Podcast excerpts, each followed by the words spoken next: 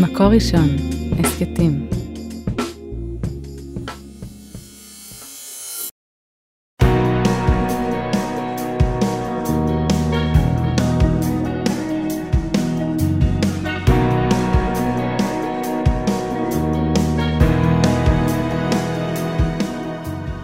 שלום הרבנית חמוטל שובל.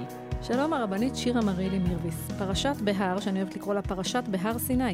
נכון, פרשת בהר סיני, שבדרך כלל, אני, יש לי פה וידוי חושפני, בדרך כלל רצים עליה, כי זה בהר בחוקותיי, והשנה יש לנו זכות לשבת שבת שלמה ולהתעסק רק בפרשת בהר סיני, ו- ויש פה מצוות כאלו יפות, יש לנו את השמיטה ואת היובל ואת הציווי של כי ימוך אחיך, שעוד רגע נדבר עליו, ובכלל היחס לעני והיחס לעבד. אז אה, לי יש אה, בבית לוח שנה מאוד מוזר. מכירה את אלה שמתגלגלים אליך הביתה ואתה אומר, מה, איך זה הגיע? וחוץ מזה שיש בו ימים ושבתות והוא מסודר כמו לוח שנה, הוא לוח שנה אה, אקולוגי כזה, שממליץ אה, איך לגדל גידולים, להנביט בבית נבטים. לפי עונות השנה, לפי כאילו, מה מתאים? לפי עונות השנה, מה כדאי זה. עכשיו, וואו. זה נורא קשה בשנת שמיטה.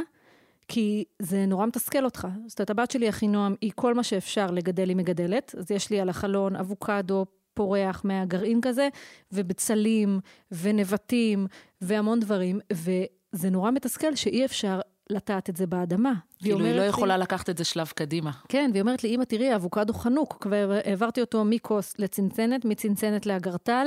הוא אה, גידל המון המון שורשים, הוא נורא יפה. וואו. והתחושה הזאת שאנחנו לא נוגעים באדמה, היא, היא מתסכלת. זאת אומרת, אני כמובן, אני לא uh, חקלאית ואני לא uh, גנן או גננת uh, במובן ה, של האדמה. אבל אולי הבת שלך תהיה. זהו, אולי אחרי לוח שנה האקולוגי תהיה, ו, ויש משהו שמדגדג בידיים.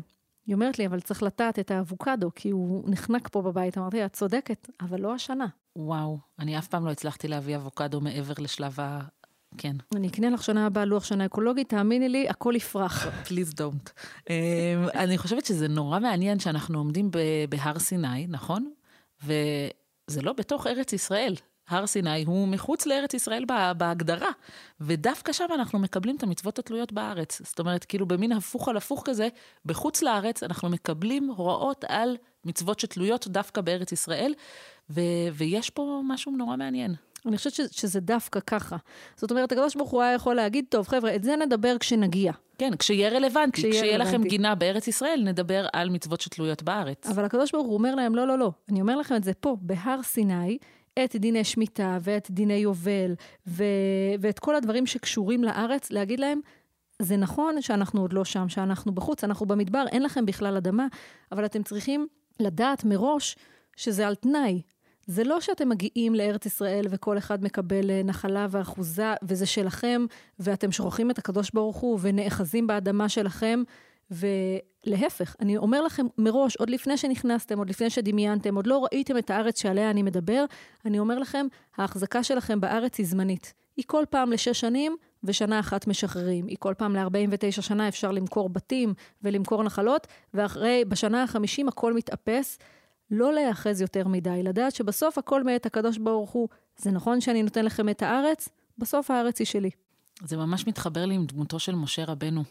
אה, כי אם משה היה הענב מכל אדם, כאילו בצורה, אני מרגישה על משה, אני חושבת שבצורה אינטואיטיבית, הוא כל הזמן היה במאה אחוז הבנה שהכל מאת השם.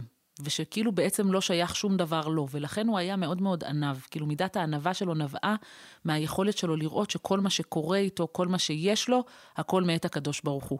אבל זה דרגת משה רבנו. זאת אומרת, אני, ונראה לי שהרבה אנשים מסתובבים בעולם, לא כל הזמן אני במאה אחוז תחושה שהכל מאת השם. כאילו, ולכן כל העניין הזה של השמיטה ושל היובל, ודווקא להגיד את זה בחוץ לארץ, זה כאילו הקדוש ברוך הוא אומר לנו, יש אנשים שזה אינטואיטיבי להם, משה רבנו אחד בדורו, ולכם, לכל שאר העם, אני צריך להגיד לכם, יש שש שנים שאתם תעבדו את האדמה, אבל בשנה השביעית, בואו אני אזכיר לכם שהקשר הזה בין עם ישראל לבין ארץ ישראל תלוי בהתנהגות, תלוי במערכת יחסים, תלוי באיך תתנהלו אל מול הקדוש ברוך הוא, כי הארץ שייכת לקדוש ברוך הוא, ולא שייכת לכם אוטומטית. ואולי הכי קל למשה להגיד את זה, כי משה לא ייכנס. וואו. הוא בעצם אומר, אני כואב לי הלב כשאני רואה שמשה הוא זה שדבר, אה, ויאמר, וידבר השם אל משה בהר סיני. משה הוא זה שמלמד את המצוות התלויות בארץ, והוא מעולם לא יקיים אותם. בדיוק, ובעצם אני חושבת שזה דווקא מחדד את הנקודה.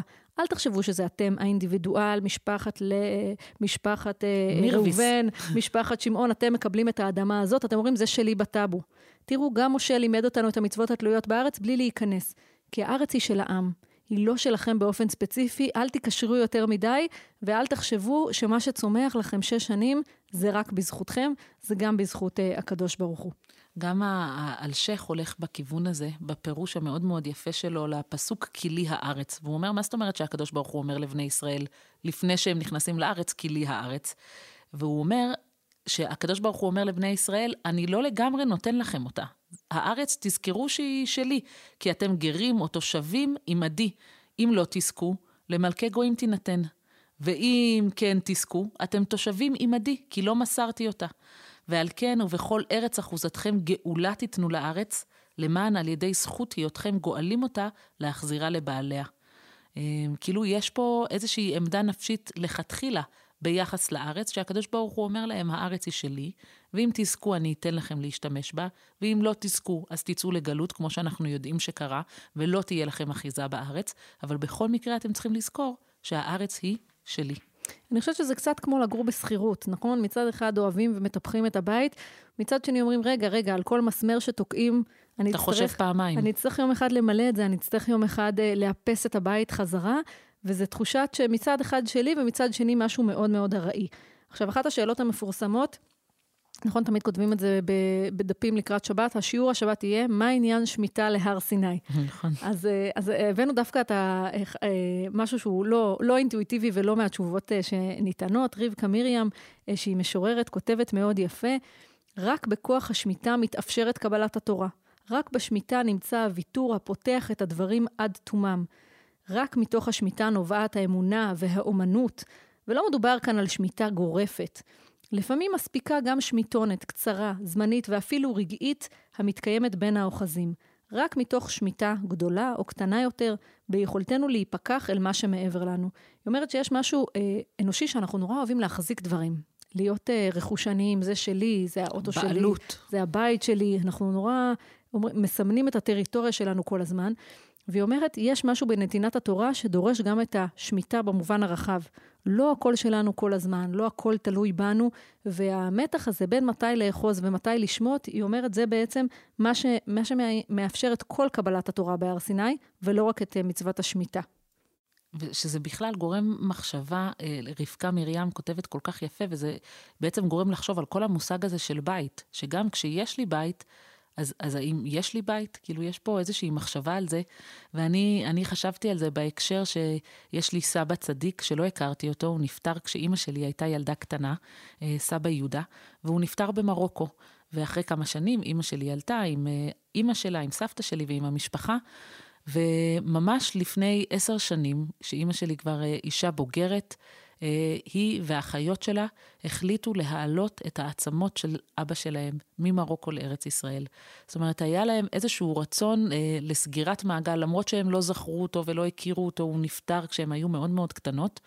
אה, בכל זאת היה להם רצון לקבור ולהביא את סבא יהודה שייקבר בירושלים, בארץ ישראל, כמו שהבטיחו לו לפני שהוא נפטר. להביא הביתה. כן, להחזיר אותו הביתה במובן מסוים. ובאמת היה שם מבצע לוגיסטי מאוד מאוד מורכב, אני לא, לא יודעת איך הם עשו את זה, אבל היה שם מבצע לוגיסטי מסובך, שבסופו סבא יהודה קבור פה, בגבעת שאול, אה, וזה, ואני חושבת שזה מדהים. כאילו, יש בזה משהו אה, שגורם לי לחשוב על מה זה בית. למרות שהוא חי וגדל ונולד ונפטר במרוקו, בסופו של דבר הבית שלו היה פה.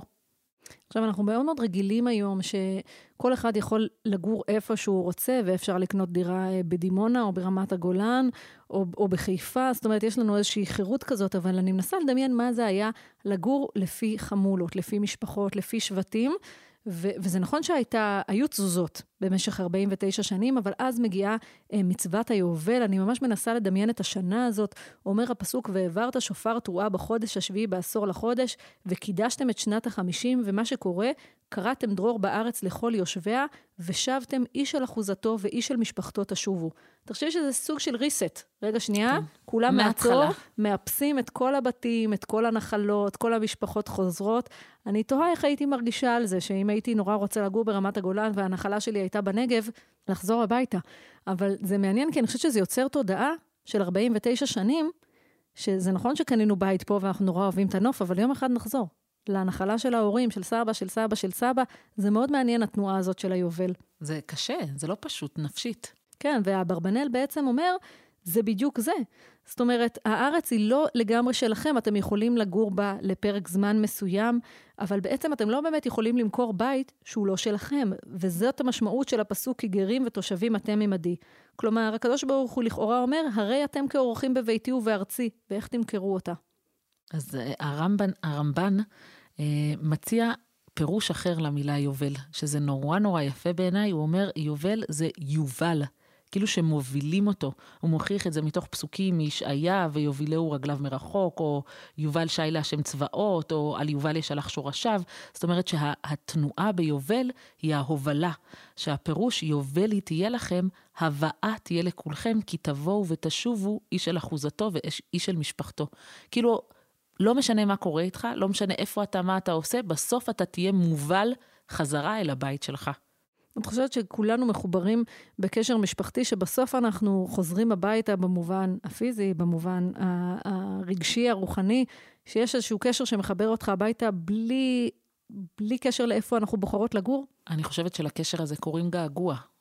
כי אני חושבת שבסופו של דבר, גם בשנים שבהם לא גרת בבית, או אני לא גרתי בבית, או נסענו לשליחות וגרנו בארצות הברית, או זה, בסופו של דבר יש תמיד תמיד געגוע, והגעגוע הזה קושר אותך לבית במובן הכי עמוק שלו, שאתה רוצה לשוב למקום שבו אתה, אתה כילד, כמשהו בסיסי, כמשהו התחלתי. אני מבינה את הרמב"ן שהוא אומר, זה לא יובל בצרה, זה יובל עם פתח. אני חושבת בין השורות שהרמב"ן אומר, גם אם אתם לא רוצים לחזור. כן, זה יובילו אותך. כן, קצת גם מי שאומר, רגע, אני לא רוצה לחזור עם, לגור עם האחוזה שלי, אני בניתי לי חוות בודדים באיזשהו מקום ואני לא רוצה לגור עם החמולה. הרמב"ן אומר לו, יש תהליך חזרתי שקורה פעם בחמישים שנה, ואתה, גם אם לא תרצה להיות אקטיבי, אז תהיה פסיבי. אתה תובל הביתה, גם אם אתה לא רוצה אה, לבוא.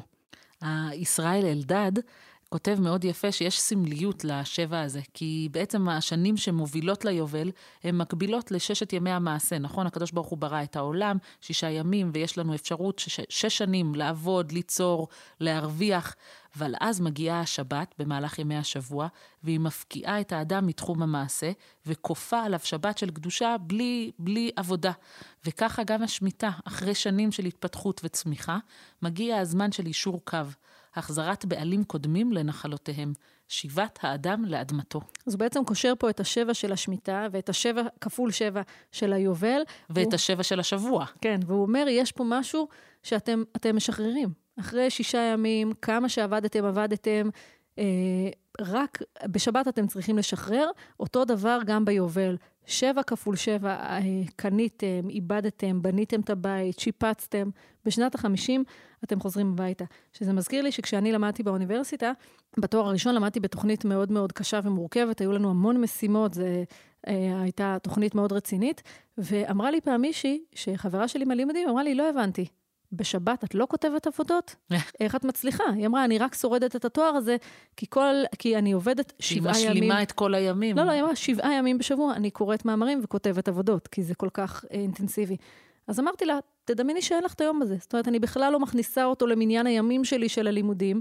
הדלקת נרות, העט נופל, לא משנה, הגשתי, לא הגשתי, קראתי, לא קראתי, רפרט, לא משנה. זאת אומרת, זה יום אחד שאני פשוט לא פועלת בו במציאות.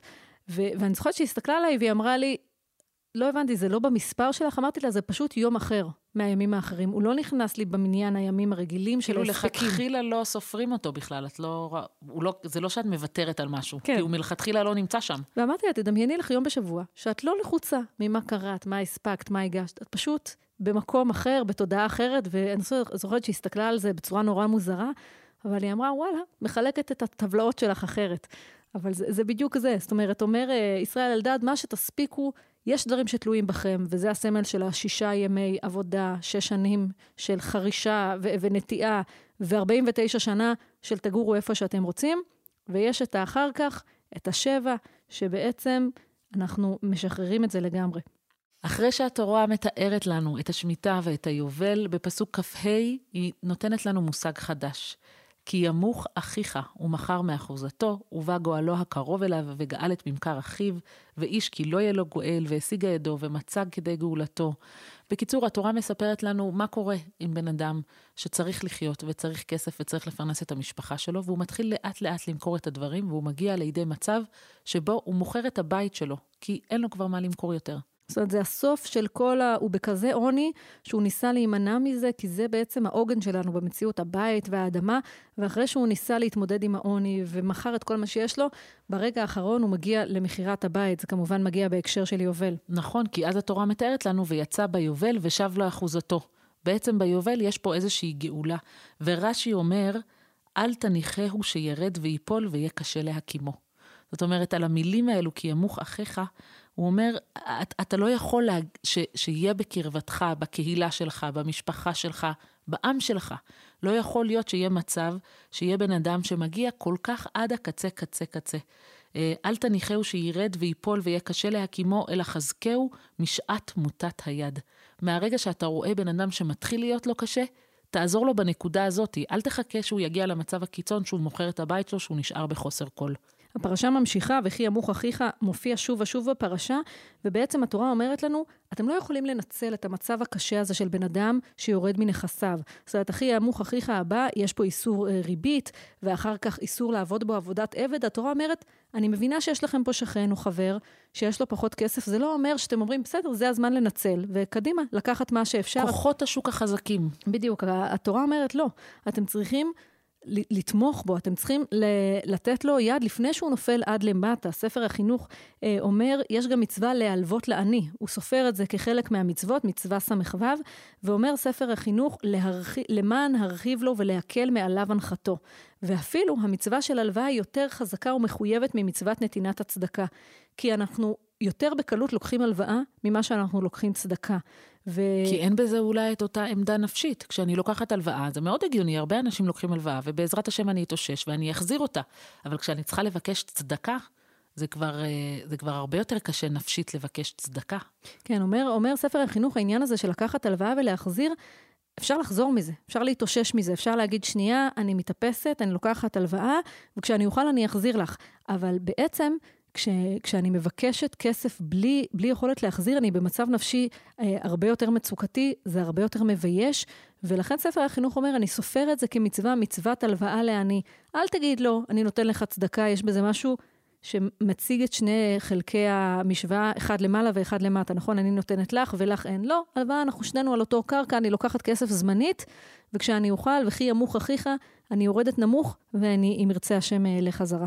ואני חושבת שבמציאות אנחנו רואים שאנחנו כל פעם יכולים להיות האחיך הזה מאוד בקלות. זאת אומרת, אנחנו כל פעם האח הזה. כן. כל פעם, כאילו, יש שלבים בחיים, ולפעמים אנחנו, כמו כל האנשים, אנחנו צריכים עזרה. ו... וההלוואה הזאת היא מאוד מאוד משמעותית. הגמרא בבבא בתרא מספרת סיפור מאוד יפה על רבי בנימין, שבאה אליו אישה ואומרת לו, רבי פרנסני. אמר לה, אני נשבע שאין בקופה של צדקה כלום. אמרה לו, אם אין אתה מפרנסני, הרי אישה ושבעת בניה מתים. עמד ופרנסה משלו. זאת אומרת, בקופת צדקה של הבית כנסת כבר לא היה שום דבר. כן, עומד... ובאמת לא היה, לה מאיפה, היה לו מאיפה לתת, והוא נכניס לכיס הפרטי שלו ונתן לה. כי אני חושבת גם, כאילו, הוא אומר לה, אין לי, והיא אומרת לו, אין בעיה, אז אני והילדים שלי מתים. שתבין לאיזה רמה אנחנו הגענו. זה לא, אני לא מדברת פה, תעזור לי ל, לממן אה, אירוע באולמי בונבון. כן. אני, אני צריכה כסף לאכול, ואם לא, אנחנו מתים. לימים חלה בנימין הצדיק, הגמרא אומרת כבר עליו שהוא בנימין הצדיק והוא נהיה חולה, ואמרו מלאכי השרת, בנימין הצדיק שהחיה אישה ושבעת בניה ימות בשנים מועטות, והוסיפו לו 22 שנה. זאת אומרת, איך יכול להיות שבן אדם ש, שהצליח להחיות אישה ושהצליח לעזור לה, למרות שבאמת בכנות הוא יכל להגיד לה, אין לי, אין, הקופת צדקה של הקהילה ריקה כרגע, אין לי מאיפה להביא לך. אה, והוא בחר אה, לעשות מעשה אישי ולהכניס את היד לכיס הפרטי שלו ולנסות לעזור לה משם. ואומרים מלאכי השערות, כאילו יש שם התערבות אה, שמימית, ולהגיד, לא יכול להיות שהבן אדם הזה ימות צעיר, אלא בן אדם כזה צריך לזכות באריכות ימים. אני חושבת שכמו שאמרת, יש את העניין הזה של... כולנו יכולים להזדקק לצדקה. זאת אומרת, כולנו יכולים להיות בצד הזה של הנותנים או של המקבלים, והתורה אומרת, אל, אל תפילו מישהו כל כך נמוך שכבר לא יהיה אפשר לעזור לו. יש פה מדרגות בדרך, תלכו על הלוואה, אה, אתם לא יכולים להתעלל בו חס וחלילה. גם אם הוא מוכר לכם את הבית, תדעו שבאיזשהו שלב הבית יחזור אליו. זאת אומרת, אנחנו לא אה, מדרדרים אנשים כל כך נמוך כדי שהם לא יוכלו לצאת משם. מה שמזכיר לי קצת את אה, ארגון פעמונים, שמעת עליו? כן. שבעצם המטרה שלו זה... זה למנוע מזה שאנשים יצטרכו צדקה. בדיוק. זאת אומרת, יש לנו מצווה מאוד חשובה לתת צדקה, אבל אולי המצווה היותר חשובה זה לעזור לאנשים שלא יגיעו למקום שבו הם צריכים לבקש צדקה. זאת אומרת, ללמד אותם להתנהל כלכלית נכון, כדי שלא, וכי ימוך אחיך קורה, או יכול לקרות לכולנו, אבל כדי שלא ניפול מאוד מאוד עמוק, שיהיה לנו נורא קשה לקום, פעמונים אומרים, בואו נלמד אתכם איך מנהלים את הכסף. ואז אה, נותנים לאנשים אה, את השירות הזה, ולא אומרים להם, הנה, קחו צדקה, ופשוט תלכו לסופר, אלא איך אנחנו מלמדים אתכם להתמודד כלכלית, שתמיד יהיה לכם כסף ללכת איתו לסופר. אני חושבת שזה צריך להיות לימודי חובה בכיתה י"ב. כן. באמת, התנהלות כלכלית נכונה. נכון. לגמרי. אז אני, אני חושבת שהפרשה מלמדת אותנו את, ה, את היחס המורכב הזה בין מתי לאחוז בבית שלנו, בכסף שלנו, אה, ומתי לשחרר. ולד... כי גם אם אני מבינה שהכל מאת הקדוש ברוך הוא, גם האדמה וגם הארץ וגם הבית שלי בעצם שייך לקדוש ברוך הוא במובן מסוים, ואין לי בעלות עליו מוחלטת, אז גם הכסף שלי הוא לא באמת שלי, ולכן אני יכולה לתת את ההלוואה הזאת ב- בלב הרבה יותר קל, בלב... אה, כאילו, זה לא שלי, זה הקדוש ברוך הוא מעביר דרכי שפע לעולם, ולכן אה, אני יכולה לחלוק אותו בקלות עם כולם. ואני חושבת שהמחשבה הזאת שאנחנו לא מחוברים עם... אה, לא, לא מסמרות. שמו, כן, עם מסמרות לרצפה, אנחנו ניידים בעולם, גם במצב הכלכלי וגם באדמות, אה, נותנת לנו לחשוב בצורה יותר נעימה לאנשים שגורלם לא שפר עליהם כמונו, ולתת בצורה יותר פותחת לב. כן, אז שלא נזדקק, ושתמיד נהיה רגישים לשים לב למה קורה לאנשים מסביבנו. שבת שלום. שבת שלום. על ההקלטה והסאונד אוהד רובינשטיין, על ההפקה והעריכה יהודית טל, יאקי אפשטיין ועדי שלם רבינוביץ'. תודה רבה למאזינים. את הפרק הזה, כמו את שאר פרקי הסדרה והסכתים רבים נוספים, תוכלו למצוא באתר מקור ראשון, בשורת ההסכתים של מקור ראשון, בספוטיפיי, באפל מיוזיק וגם בגוגל.